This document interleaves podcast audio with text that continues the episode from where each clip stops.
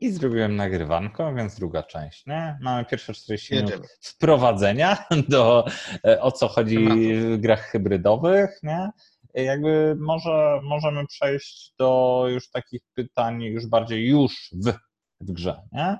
Jakby y, zostaliśmy tam na, na tym, jakby tym przedspotkaniu, na, e, jakby na pierwszym e, na pierwszej poczekalni. Zostaliśmy zasypani takimi pytaniami, chociażby o dodatki nie? cyfrowe, co się, mhm. co się wydaje ciekawe, że mamy, mamy grę nie? Jakby i jakby mamy taką pokusę, żeby nie wiem, dajmy na to, zrobiliśmy grę quizową z aplikacją, tak? No to możemy dokupywać na przykład kolejne moduły pytań, tak? w których będziemy mieli kolejne tysiące samoaktualizujących się pytań yy, i jakby co się, yy, no właśnie, czemu nie robić gier tylko tak, żebyśmy, żebyśmy tylko sprzedawali DLC-ki?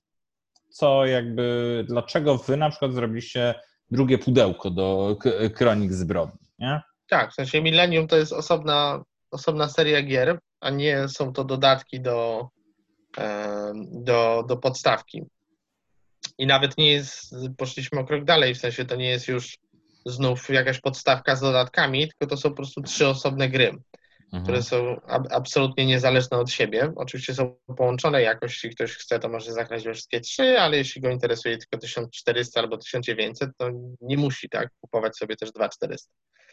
I tu jest, tu jest kilka kwestii z tym związanych. My dość mocno, dość mocno postawiliśmy na ten model DLC przy pierwszych kronikach, bo też um, trzeba powiedzieć, że zdevelopowanie nowego scenariusza do tej gry i przygotowanie, dodanie go do aplikacji, to nie jest tak, że my sobie magicznie omijamy większość kosztów, jakie są z tym związane, no bo faktycznie nie produkujemy nowych fizycznych elementów, nie tak, musimy więc wchodzi jakiś efekt skali, na tak? statek i nie musimy ich sprzedawać w sklepach.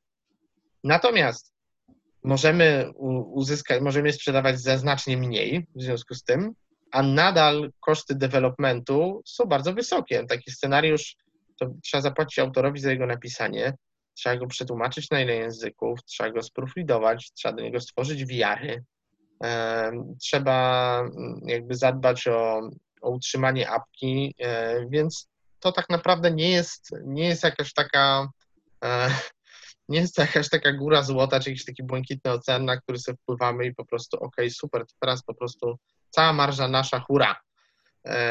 To, to raz. E, a dwa, mm, mm, tak po prostu, zwyczajnie, fani gier chcą kupować pudełka. Oni nie chcą e, wyłącznie kupować małego dodatku online. Oni chcą mieć nowe uniwersum, nowych bohaterów, nowe piękne ilustracje. Chcą mieć po prostu nową grę.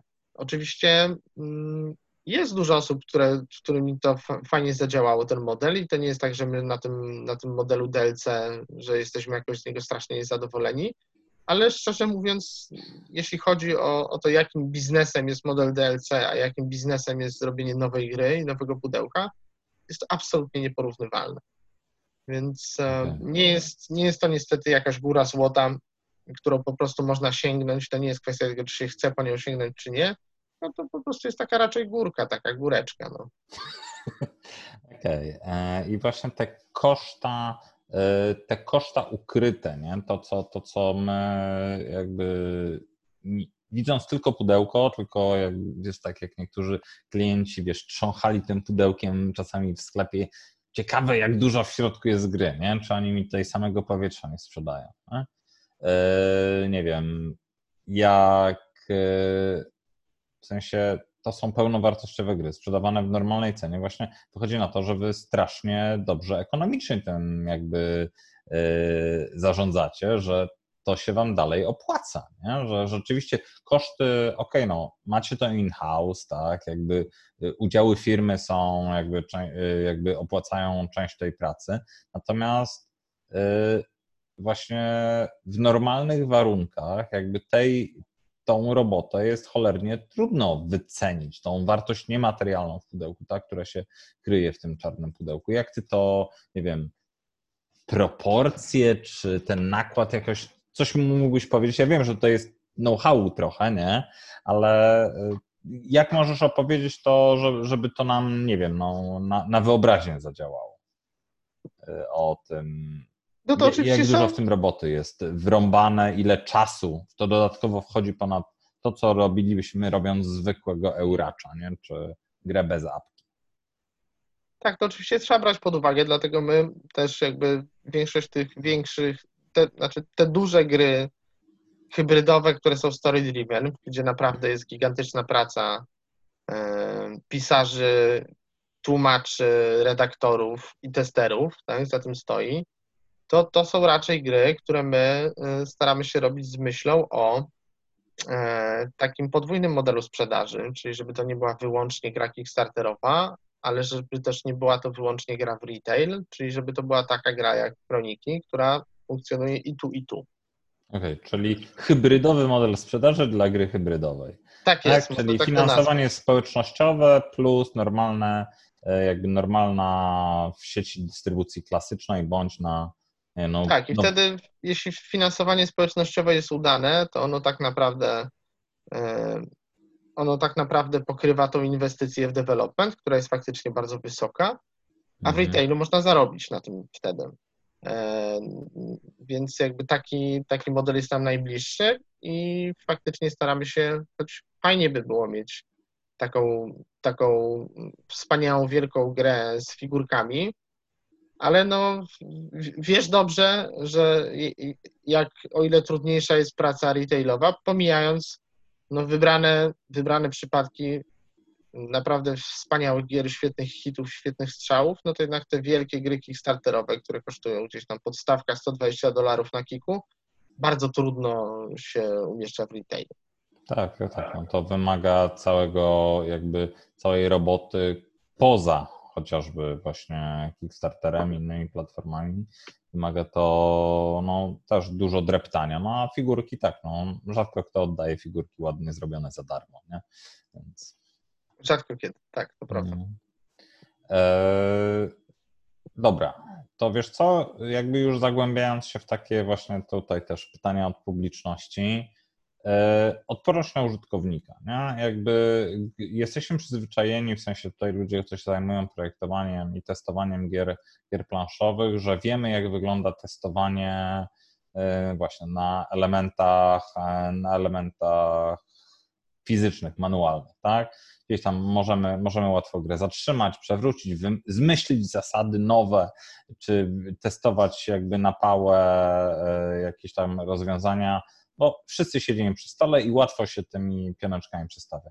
Jeżeli testujesz aplikację, tak? Jeżeli testujesz, właśnie szukasz takich martwych punktów, które to też było, to też było do Artura pytanie, co jeżeli gra właśnie nie obsługuje jakiegoś rozwiązania, jeżeli się wykrzacza, że e, jak tak, tu to... wygląda praca, o ile ona jest różna, nie? Jak, jak to e, no właśnie, nie? Ja, ja znam, ja mniej więcej wiem, jak wygląda testowanie manualne i automatyczne gier wideo, bo są jakby, je się testuje na dwa tryby, także rzeczywiście można ją testować jakimś skryptem, e, tam żart o testerze zamawiającym różne dziwne rzeczy jest, jest znany, ale tak samo normalnie się za ludzi z padami, oni po prostu mają przejść tę grę, mają próbować zrobić wszystkie achievementy, znaleźć wszystkie znajdźki i tego typu rzeczy.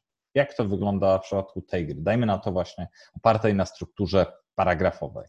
No? My też robimy obydwie te rzeczy, czyli też mamy pewien rodzaj testowania automatycznego, czyli na przykład przy Destinies e, mamy tak naprawdę w edytorze mm, takie narzędzie, które się nazywa validator.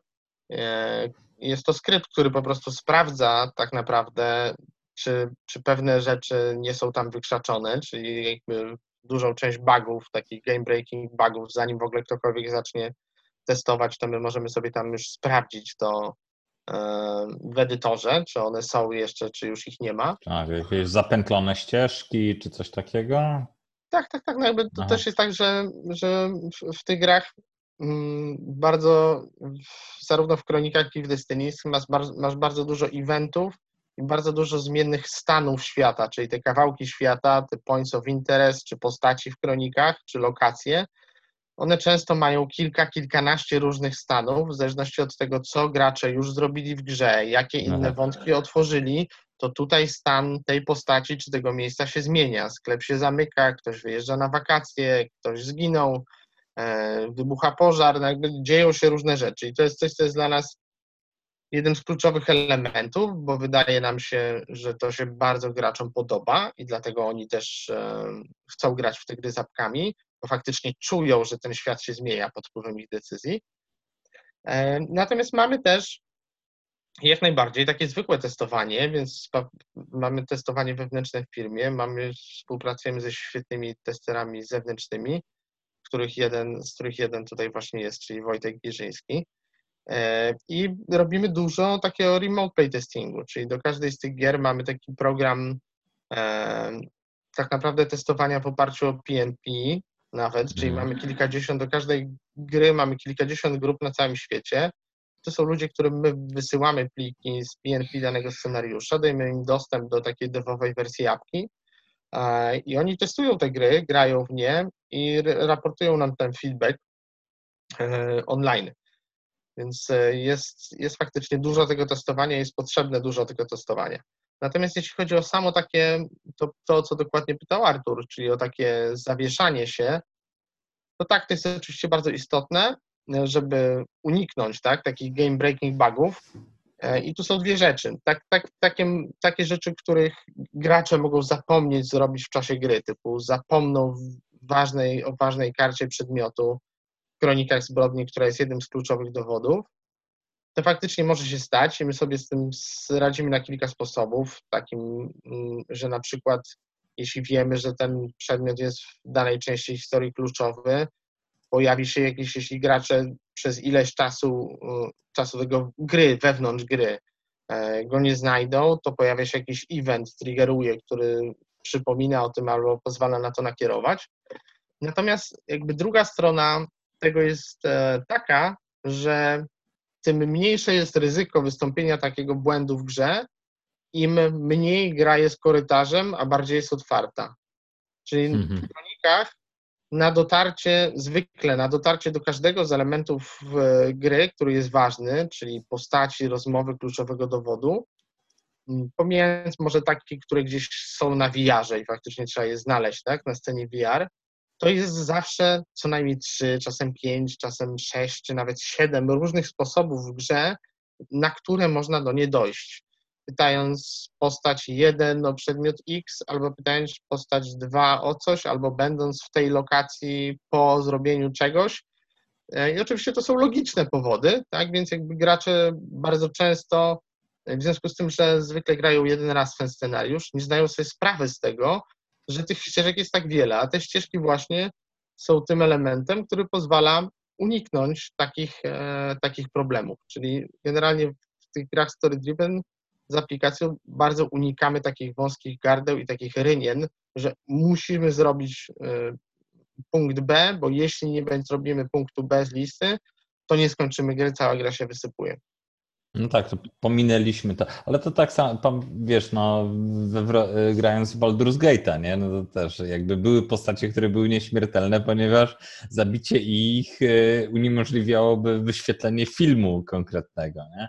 E, to też przy projektowaniu LARPów chociażby było problematyczne, nie, gdzie właśnie, gdzie żeby pozyskać jakąś informację od kogoś, e, no to ta postać musiała istnieć, nie, no ale zawsze ktoś mógł grać po prostu obłąkańcem, który mógł zabić tą postać, nie? czy w jakiś sposób ją inny wyeliminować z gry, więc musiała mieć tak zwany plot armor, czyli właśnie mhm. pancerz scenariuszowy, który okay. uniemożliwiał zabicie jej i jakby jakby je rozumiem, nie? że właśnie, że utkanie tego, żeby to się wszystko nie opierało tylko na jednym sznurku, tak, żeby tych ścieżek waszym tym systemie walidacyjnym było do tej sceny dojść kilka, no jakby tak, tak, tak, no jakby absolutnie to czuję i rozumiem. Nie? Mi się kojarzy, jeszcze a propos tego testowania, mm, jest to teraz ten królewski dylemat, nie? E, e, czyli to King's Dilemma, to bodajże, to bodajże Galacta chyba ogłosiła u siebie.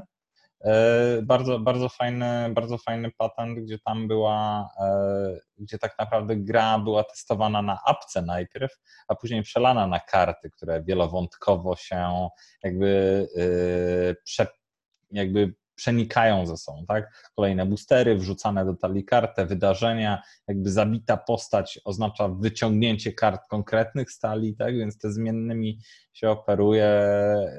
Natomiast do przetestowania tego znowu na wersji analogowej było niemożliwe, byłoby prawie niemożliwe, natomiast na wersji cyfrowej w to się grało, e, w tej wersji deweloperskiej gry dało się to po prostu ogarnąć, nie? w formie e, jakby właśnie ilość tych wątków dawała się tutaj przeliczyć, ogarnąć, jakby sprawdzić nie? te wszystkie zależności, bo tam komputer ci też pomagał. No, zagrać kilka tych scenariuszy naraz, nie? czy je przewijać w różne miejsca. Tak, no i my z tym staramy się nawet iść parę kroków dalej, w sensie z mhm. Destiny wydaje mi się, że poszliśmy co najmniej kilka kroków dalej. Czyli z Destiny postawiliśmy sobie taki cel, że my chcemy naprawdę mieć grę story driven i chcemy zrobić taką grę, która będzie miała taki feeling sandboxowy, będzie grą przygodową i faktycznie, ale faktycznie, żeby chodziło tam o opowieść, żeby chodziło o historię, żeby to nie było, żeby nie był to wielki zestaw losowych wydarzeń, z których jak się odpali określona ilość, to gra się kończy, e, ale są wszystkie w klimacie i w jakimś świecie. Nie chcieliśmy, żeby to było takie, bo jakby to, co w gatunku jest nazywane grą story driven, zwykle ma takie proporcje e, u Pareto 80-20 i zwykle jednak mimo wszystko jest 80% mechaniki. Zwykle jest walczenie z potworami i zawsze te 80% doświadczenia wypełni nam jakaś mechanika walki z potworami, może mam swoją talię umiejętności, może rzucam kostkami, a może ciągnę żetony z woreczka, ale generalnie walczymy, walczymy z potworami, walczymy, walczymy, pokonamy ileś potworów, dochodzimy do punktu, gdzie pyk, włącza się fabuła. Teraz mamy, bach, gra mamy... rzuca na nas kawałek fabuły, mamy mhm. jakiś choice, albo nie, odpala się quest, dobra, to teraz musimy iść tam, na drugą stronę planszy, przebić się przez te potwory i tam się odpali kolejny kawałek fabuły. I my stwierdziliśmy, jakby nie chcemy tego. Chcemy spróbować zrobić grę, która naprawdę będzie chodziło w niej o historię i będzie ta mechanika, ale odwrócić te proporcje, żeby było 80% historii, przeżywania jej, wpływania na ten świat, zmieniania go naszymi decyzjami, a 20% jakiejś mechaniki, takiej, która gdzieś wspierała to opowiadanie e, tej historii. Więc to był trochę szalony pomysł z Destinies, ale wygląda na to, że się udał całkiem do tej pory. E, I, e, I to, co jest tam super, to jest to, że faktycznie mamy taki sandbox, czyli mamy, nie mamy już, tak jak w kronikach, nadal w kronikach nadal masz bardzo dużo opcji, możesz na kilka sposobów rozwiązywać każdy z tych scenariuszy, ale jednak masz te 6-7 lokacji. Wiadomo, że tam pierwsze trzy odblokujesz w pierwszej części gry, drugie trzy pewnie w drugiej.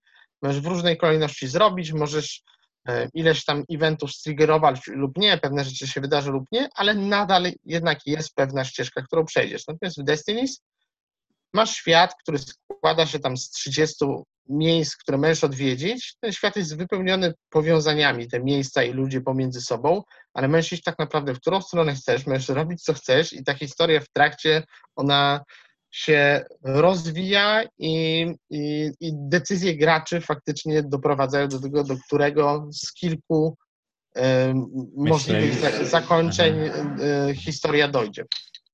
No ja tutaj widzę, że bardzo taką pożądaną licencją dla Destinies byłby Westworld wtedy. Nie? Że Pojawia się ten temat, tak. No, że to, no tak, no, bo to mniej więcej o to chodzi, ale to tak, to wy, wy powinniście po prostu zatrudnić ludzi, którzy piszą larpy, nie? takie na 300 lub więcej osób, duże gry terenowe, bo dokładnie tak się to robiło. Ja pamiętam, jak właśnie na, na Orkon widziałem skrypt, to było to było właśnie jakby poszczególne grupy miały powiązania też z różnymi grupami, yy, takie właśnie na, utkane właśnie jak taka pajęcza sieć, że jakby ta sieć połączeń, jakby czy wydarzenia w jednych z grup, jakieś kryzysy się rozlewały na cały świat. Nie? Jakby tutaj jakby to jest, rozumiem, że to jest bardziej wokół jedne, jednej tam postaci centralnej, która wspierając jakieś frakcje lub pomijając jakieś fakty może przyczynić się do zmiany kształtu tego świata, no ale jakby bardzo, bardzo fajnie mi się tego słucha, bo właśnie mi się to kojarzy jak pisanie właśnie takiej dużego, skomplikowanego RPGa, czysto fabularnego, tak, że, że właśnie ta mechanika walki no nie musi być tym wypełniaczem, tak, nie musi być tej waty tak dużo. No nie musi właśnie. Tylko, trzeba, wydaje mi się, no to jest właśnie bardzo fajny obszar, taki obszar, w którym wydaje mi się ciągle jest bardzo dużo do zrobienia e, i jakby jest dużo łatwiej o innowacje, jest dużo łatwiej o naprawdę jakąś nową wartość w tym obszarze niż w obszarze, niż zrobić naprawdę super innowacyjną Eurogrę, co wydaje mi się w 2020 roku jest dość dużym challenge'em. No tak, tak, tak. No jakby, jakby co jeszcze nie zostało odkryte, tak? Nie wiemy, ile jeszcze deck buildingów nie zostało odkrytych, oczywiście, e, ale no właśnie, nie? przekładając na takie punkty robocze, nie? Zobacz sobie, robisz, yy, robisz małych powstańców, czyli prostą eurogrę, yy, to jakby ile takich małych powstańców jesteś w stanie zrobić pracując nad, a pracując nad Destinies, nie? W sensie jakby... Dużo. Czy jesteś właśnie w stanie jakby takich nie wiem, podsta jakby podstawą, podstawową jednostką obrachunkową by, byłby jeden klein Aufstandish, no to ile takich eine kleine Aufstandisiów y, się zamienia w jedno duże Destinies? Nie wiem, to będzie 12, 30? Wiem, to, to, jest trochę zgadywanie, Krzysiek, no. ale wydaje mi się, że taki no. zespół, jaki mamy teraz w Lucky Duck Games, który robi powiedzmy dwie duże story-driven gry rocznie, mhm. Spokojnie mógłby wypuścić kilkanaście prostszych, mniejszych gier rocznie, tak? Więc jest to kwestia jakiejś tam decyzji po prostu. Tak, tak, no jakby inną właśnie strategię, dajmy na to, mają Renegade, tak? Oni co miesiąc wypu- wypuszczają solidnej jakości, pięknie zilustrowaną grę, tak? Tylko właśnie tutaj średnią, tutaj małą, tutaj większą, jakąś tam od zewnętrznego autora albo coś właśnie bez współpracy z Garfilem na przykład ale e, no tak, jakby ta wasza strategia no ma, ma ten sens, że o waszej premierze się mówi. Nie? Jak długo się mówi o premierze Destinies już? Ile to, ile wy się szykujecie do, do launchu? W sensie... Gra miała Kickstartera w październiku zeszłego roku. Mhm. Czyli jesteśmy jakieś 10 miesięcy po Kickstarterze. Mhm. E, I gra będzie miała premierę w styczniu 2021 roku. Czyli to jednak jest taki, taki tryb półtora roku mniej więcej tryb wydawniczy takiej gry. No tak, no ale to już też y, crowdfundując grę, już mieliście już mieliście przygotowane coś, tak? Przecież to nie sprzedawaliście zupełnie. Tak, no, tak. designersko zaczęliśmy pracować nad tą grą prawie dwa lata temu. Okej. Okay. okay i przy takim zespole. No jasne. A paranormal. Znaczy, za, zaczynaliśmy zaczynaliśmy Destiny robić mm, w tym studio Lucky Ducka składało się wtedy z trzech i pół osoby, więc okay. więc trochę, trochę to się zmieniło. I to jest ale... ta przestrzeń dwóch lat, tak? Takiego dynamicznego wzrostu, tak. i, ale też no, ustalenia właśnie strategii firmy na jakby obrania tego priorytetu. Nie? A paranormalsi, którzy są właśnie no, lżejszą grą, jakby nie mają tyle powiązań, są jakby mm. leciutcy, nie? Ile to wam zajęło w tym momencie? Miesięcy, tak? W przeliczeniu na... To było raczej miesiące, bo tak naprawdę gra żeśmy podpisali grę po tym labie sierpniowym i rok później była wydana e, już, więc to było kilka miesięcy pracy.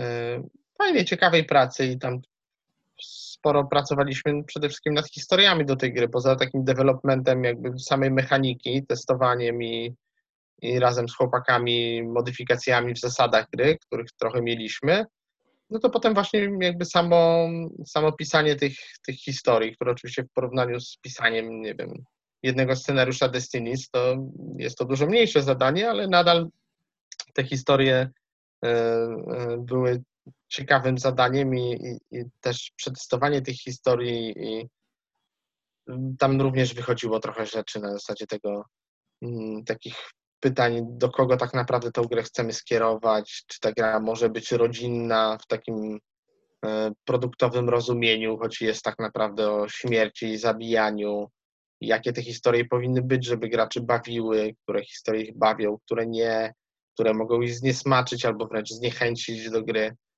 Więc tam, tam takiej pracy koncepcyjnej faktycznie było sporo. Okay. Ale to fajny projekt i też, też już jakieś tam mamy naste y, wersje językowe, więc też też fajnie przyjęty przez rynek, więc Spoko. ja jestem bardzo zadowolony i w Lucky jesteśmy bardzo zadowoleni z Paranormalsów. E, to takie, takie pytania, od których pewnie nie ucieka się przy żadnym z wywiadów, nie? Co by zrobił lepiej, nie? Teraz już jakby siadacie jakby po raz kolejny do, dajmy na to, do Kronik Zbrodni, tak? Mając kolejne jakby scenariusze w głowie, tak? E, co, co już umiecie robić lepiej lub co jakby, jakby nie spoilując jakby powiedzmy fabuły, nie? Jak siadacie właśnie od tych nowych konceptów, co już y, jakby czego się już nauczyliście z tego medium, nie? że okej, okay, że ja zagrałem sobie w Kroniki Zbrodni, jakby zagrałem pierwsze, no i ja myślę, że już z... zagrałem we wszystko, nie? już mnie nie zaskoczą. Nie? Natomiast jakby wy uczycie się pracować z tym medium, tak? Y, zakładam. Co, czym jakby gdzie czujecie, że się rozwinęliście jako twórcy, nie? tworząc właśnie dodatki lub mając jeszcze pewne rzeczy w zapasie, bo chcecie to zrobić na przyszły rok? To jest tak oczywiście, że każda z tych gier nam zależało na tym, żeby one nie były mm, dokładnie takim, taką samą grą jak podstawowe kroniki, tylko żeby one miały wszystkie jakieś fajne mechaniczne twisty, e, i, i, które będą pasowały do settingów tych gier. Natomiast z drugiej strony też umówmy się, to nie są całkiem inne gry. To, to jest kroniki, to, to jest produkt dla ludzi, którym się podobały podstawowe kroniki. To Millennium jest produktem dla nich. Jeśli komuś się nie podobało Chronicles of Crime London, ta pierwsza część, to Millennium też mu się pewnie raczej nie spodoba.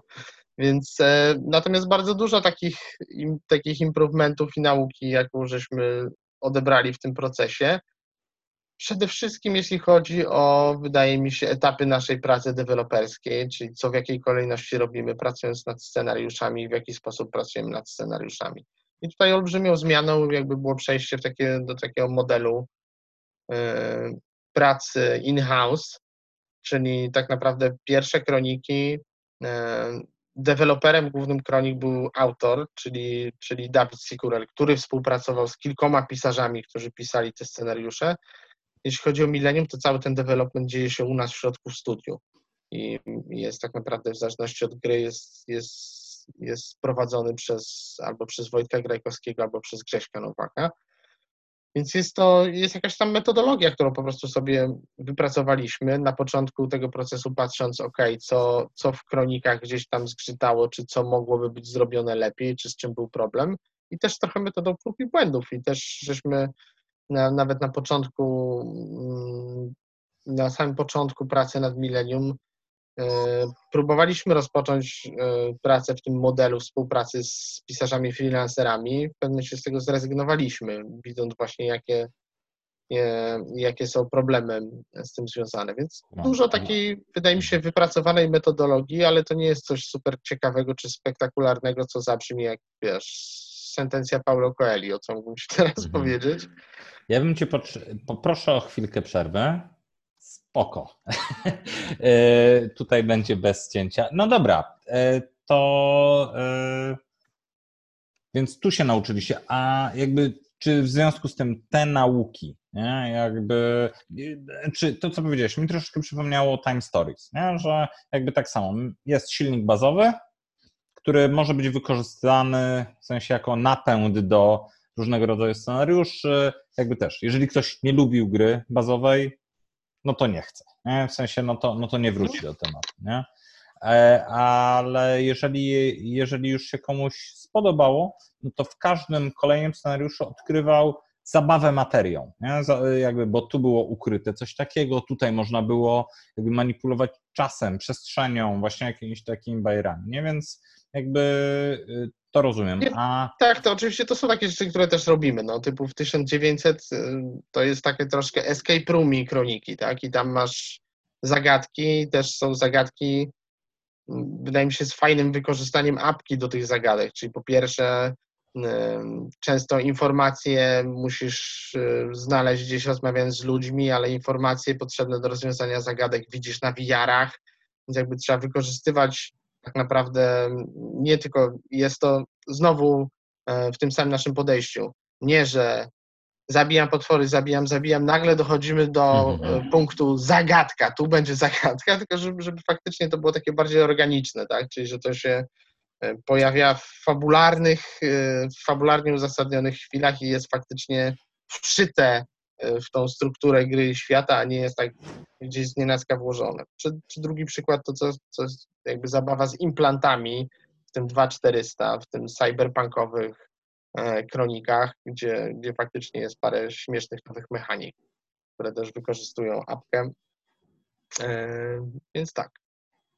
E, natomiast kurczę, to jest Boże, zniknęło mi pytanie w głowie. Przerwałem ci po prostu po chamsku i zapomniałeś. Nie, nie, nie, nie, nie, o to chodzi. Nie?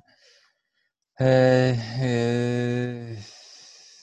czy, wiesz co, natomiast, o, już wiem, jakby to, co, y, to, co jest, to, co mówi, że jest przerywnik, scena, w sensie od cutscenki do cutscenki, tak jak że wideo, po prostu musisz mieć ten etap hack and slasha, nie? na przykład, tak?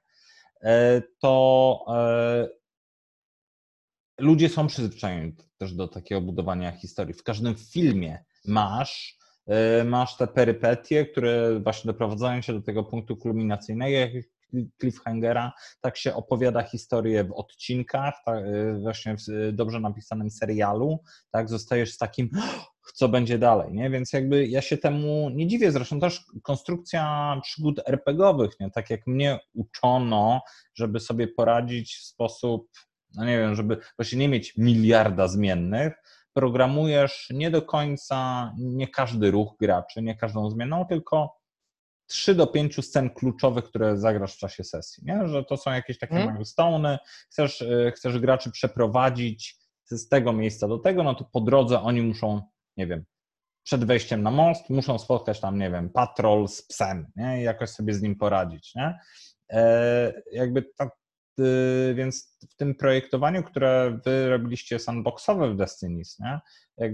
Mm, to też zakładam, że musiało być stworzone i to są te właśnie te, e, te niteczki uciekania od takiego, od tych miejsc stałych w fabule. Te, w, tej, w tej rynnie raz na jakiś czas musimy się znaleźć, żeby zakładam, sprzedać najlepiej zaprojektowane doświadczenie tam. Tam będzie najciekawsza postać, tam będzie najtrudniejsza zagadka, tam będzie najbardziej przerażający z potworów, tak? Oczywiście z jednej strony tak, a z drugiej to ciężko jest pogodzić te dwie rzeczy, tak? Więc jakby to, co my mhm. zrobiliśmy w Destinies, to tam masz tak, tam trochę też zmienia to, że gra jest rywalizacyjna, a nie kooperacyjna. Więc okay. zawsze y, zobaczymy trochę więcej tego świata, bo inni gracze też chodzą w różne miejsca i my tego słuchamy i to widzimy i możemy co więcej w tym, co inny gracz robi, odkrywać hinty dla siebie, co ja powinienem zrobić. Ale tam mamy taką bardzo otwartą strukturę świata, po którym możesz sobie chodzić, jest tam zaszyte dla każdego z graczy, żeby to, to jego destiny wypełnić, ten jego ostateczny cel, ileś różnych potencjalnych ścieżek, na które on może wkroczyć, ale to, co jakby jest na końcu, mamy tak zwane finały w grze i każda postać ma co najmniej dwie e, takie równorzędne ścieżki dotarcia do jakiegoś z tych swoich finałów, więc dla każdej z postaci są zaprojektowane dwa zupełnie inne finały.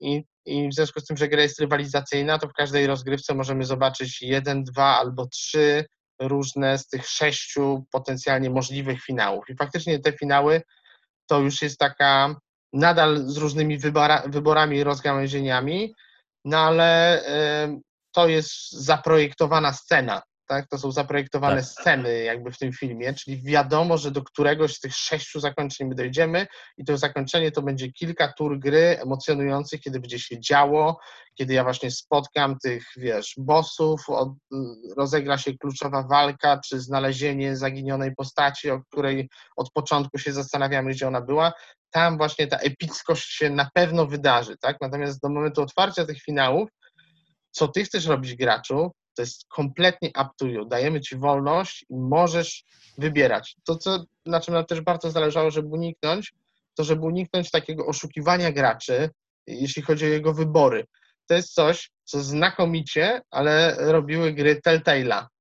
Czyli Mhm. tak naprawdę tam miałeś to ograniczenie czasowe. Ok, teraz muszę zdecydować się, czy wyrwę go y, z, od tych zombiaków, które zaraz go zjedzą, czy sam ucieknę, tak? Mhm. Ale jak go wyrwę, to niestety, jak zagrasz jeszcze raz, to okazuje się, że dwie sceny później i tak zjada go inny zombiak, bo on po prostu miał umrzeć, tak? I skrypt Tak. jest tak napisany.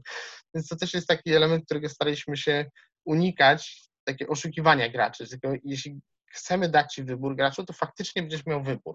I konsekwencje mogą być inne.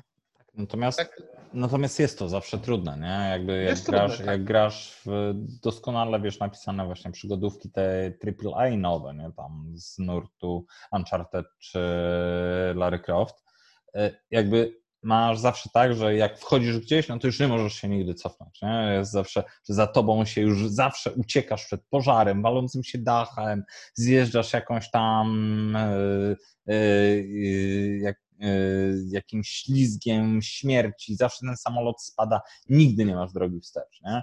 A w tym Destiny jest jakby te, tak jak mówisz, że jak macie zaprojektowane te do 30 powiedzmy miejsc takich kluczowych, tak, to tam się toczy życie, tak? Wy wprowadzicie symulację co, żyjącej krainy, tak, że rzeczy... Tak. Taki jest pomysł, czyli mamy sobie jakąś powiedzmy wioskę i okolice albo kawałek miasta i tam jest właśnie kilkunastu NPC-ów i miejsc i oni mają tam swoje sprawy, mają jakieś relacje pomiędzy sobą. Czyli to jest taka próba zrobienia w jakimś mini wersji tego, co faktycznie robią sandboxowe gry wideo. E, takiej planszowej, ale takiej, żeby faktycznie unikać, w sensie też postępujemy zgodnie z taką zasadą, że nie ma czegoś takiego jak tam właśnie randomowe, losowe questy, na zasadzie tam właśnie śmiejemy się oczywiście, że tam zejdź do piwnicy i zabij moje szczury w pewnym Tak, miejscu, tak, spoiler, zabij, ale zabij 10 szczurów, no. tak, ale chodzi o opuszczanie oka, więc jakby wszystkie faktycznie, to wszystko ma, em, ma uzasadnienie w fabule, więc trochę próbujemy na naszym małym planszówkowym poletku troszeczkę iść w ślady takich e, wielkich marek, jak na przykład e, Wiedźmin, tak, gdzie No faktycznie dla, masz... dla mnie to jest GTA 5, nie? gdzie też właśnie, gdzie tam było ta, to przełożenie między trzema głównymi bohaterami. Jeżeli jednego zaniedbywałeś, no to znajdowałeś go w jakichś tarapatach. Oczywiście było to ciężko skryptowane, ale napisane tak zgrabnie, że jakby, że cały czas byłeś zaangażowany w Mhm. ich życia prywatne. Jakby jakby tak pod koniec, nie? Jakby w sensie ty, jakby o tym Destiny dużo mówimy, tak? Tutaj to nie chodziło o reklamę produktową, nie jest to, nie jest to, e, że tak powiem, audycja sponsorowana, ale jeżeli gdzieś, y, gdzieś miałbyś, nie wiem, mieć ten suwak, nie? Mamy grę wideo, tak? Mamy grę, mamy grę full analog, tak? Jakąś czystą, surową paragrafówkę albo właśnie grę sandboxową, taką najnowszego nurtu gdzie jakby jaką ty masz w twoim poczuciu, nie? jako deweloper, gracz, autor, gdzie ten suwaczek wy ustawiliście sobie przy tym akurat projekcie, nie? jakby jaki, y, jaki feeling, nie? Jakie, z, z jakim odczuciem, czy będzie, mm, będą się ci gracze czuli pomiędzy właśnie tą pełni analogową, pełni cyfrową interpretacją gry. Co, wydaje mi się, że to jakby kluczowy jest element taki, mm, że ta gra jest rywalizacyjna, a nie kooperacyjna. I to, że my poruszamy się w tym otwartym, ale jednak skończonym świecie. I ona, cała ta gra jest oparta na taki, taką koncepcję takiego trójkąta fabularnego, który my sobie wymyśliliśmy, czyli tam są zawsze trzy postaci e, i każda ma dwie kompletnie różne ścieżki, którymi może osiągnąć swój cel, ale masz gwarantowane, że jak jesteś postacią numer jeden, to na swojej ścieżce A rywalizujesz z postacią numer dwa, na ścieżce B rywalizujesz e, z trzecią. Tak? I jakby wszyscy ze wszystkimi mają jakieś, em, jakieś miejsca kluczowych NPC-ów czy questy, których mogą użyć do swoich kompletnie innych celów, ale jakby tego samego, tej samej części świata gry. Tak? Jakby my też na upartego staraliśmy się wyważyć te drzwi, nie robić z tego koopa, bo to jest trudniejsze i, i, i trochę przewrotne, e, więc, więc poszliśmy taką drogą. Więc tutaj tak naprawdę jest taki mocny bardzo feeling e, mocny feeling RPGowy, czyli że faktycznie mamy świat, nam bardzo zależało na imersji, zanurzeniu się w tym świecie i wybory i decyzje i staranie się jeszcze e, gdzieś tam wszędzie są ci nasi przeciwnicy, tak? którzy gdzieś będą wcześniej, ale nie mieli siły albo pieniędzy, albo nie byli wystarczająco mądrzy, żeby coś zrobić, więc ja mogę tam teraz pójść, może mi się to uda. Tak, okej, okay, ja tutaj zrobię coś, co wpłynie jakoś na świat i wpłynie na, na moich współgraczy. Więc tutaj ten element chyba jest kluczowy. Okay. Czyli bardziej analogowo. Jeśli chcieliście sprzedać wrażenie analogowe za pomocą cyfrowego tak, gadżetu, tak, nie eksponujecie go.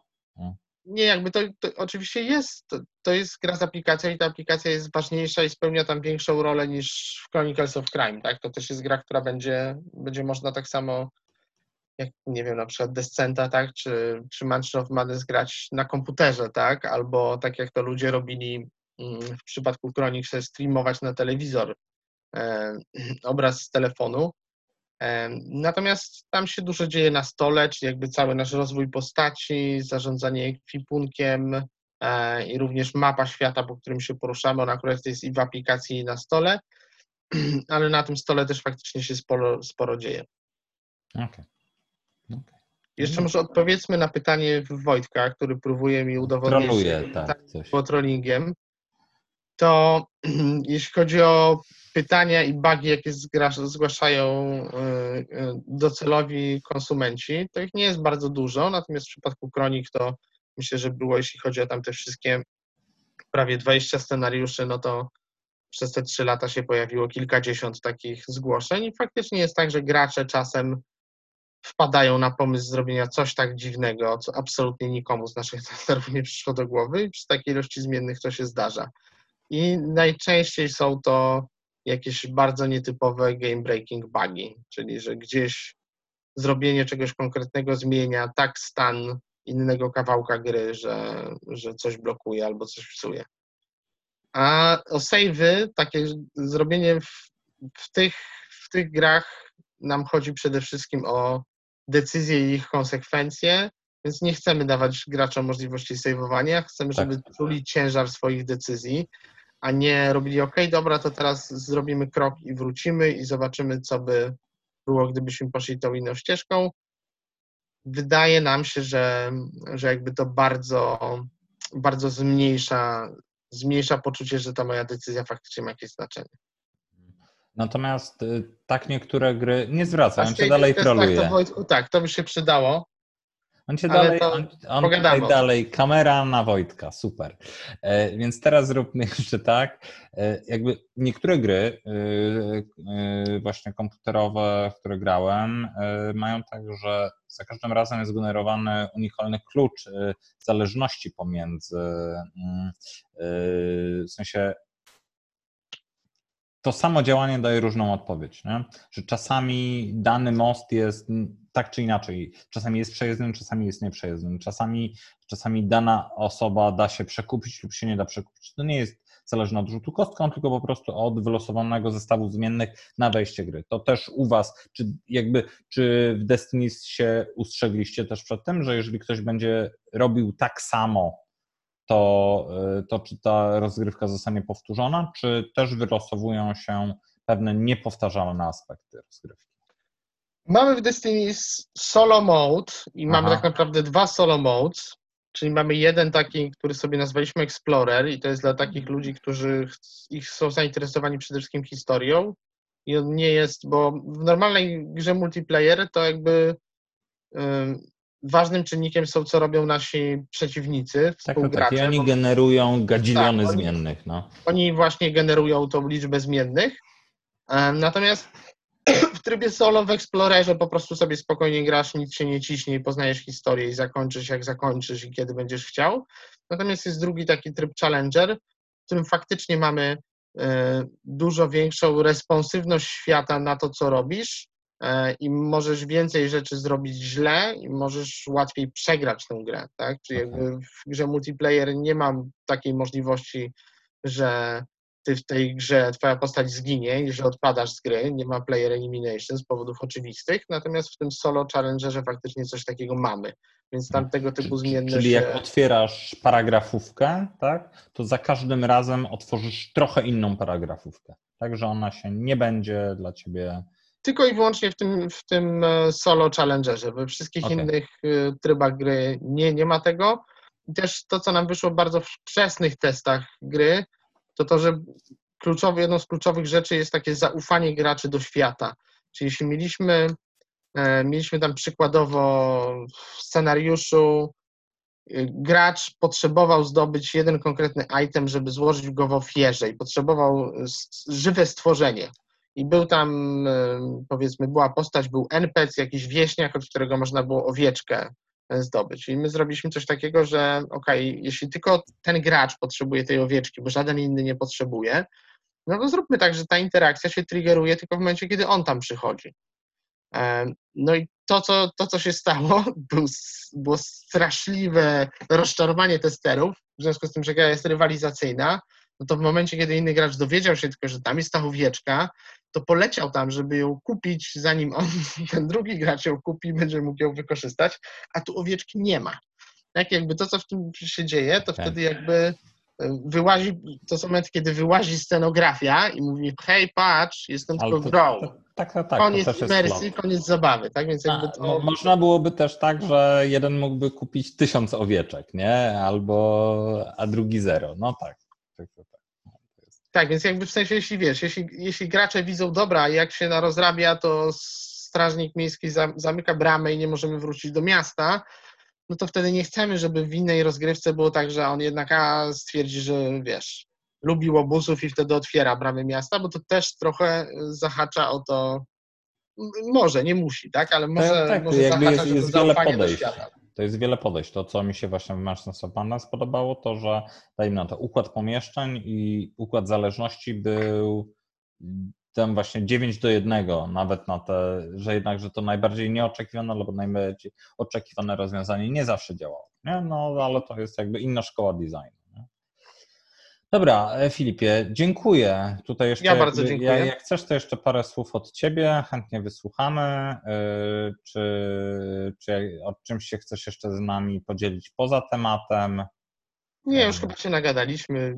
No, Nie zanudzajmy bardziej słuchaczy Twojego szacownego podcastu. Bardzo dziękuję za zaproszenie, miło mi było. E, mój szacowny podcast też dziękuję. I co, no to, to do zgadania jakoś przy następnej okazji może na żywo. Jasne. Dzięki. No. Cześć. Pa, pa. Hej, hej.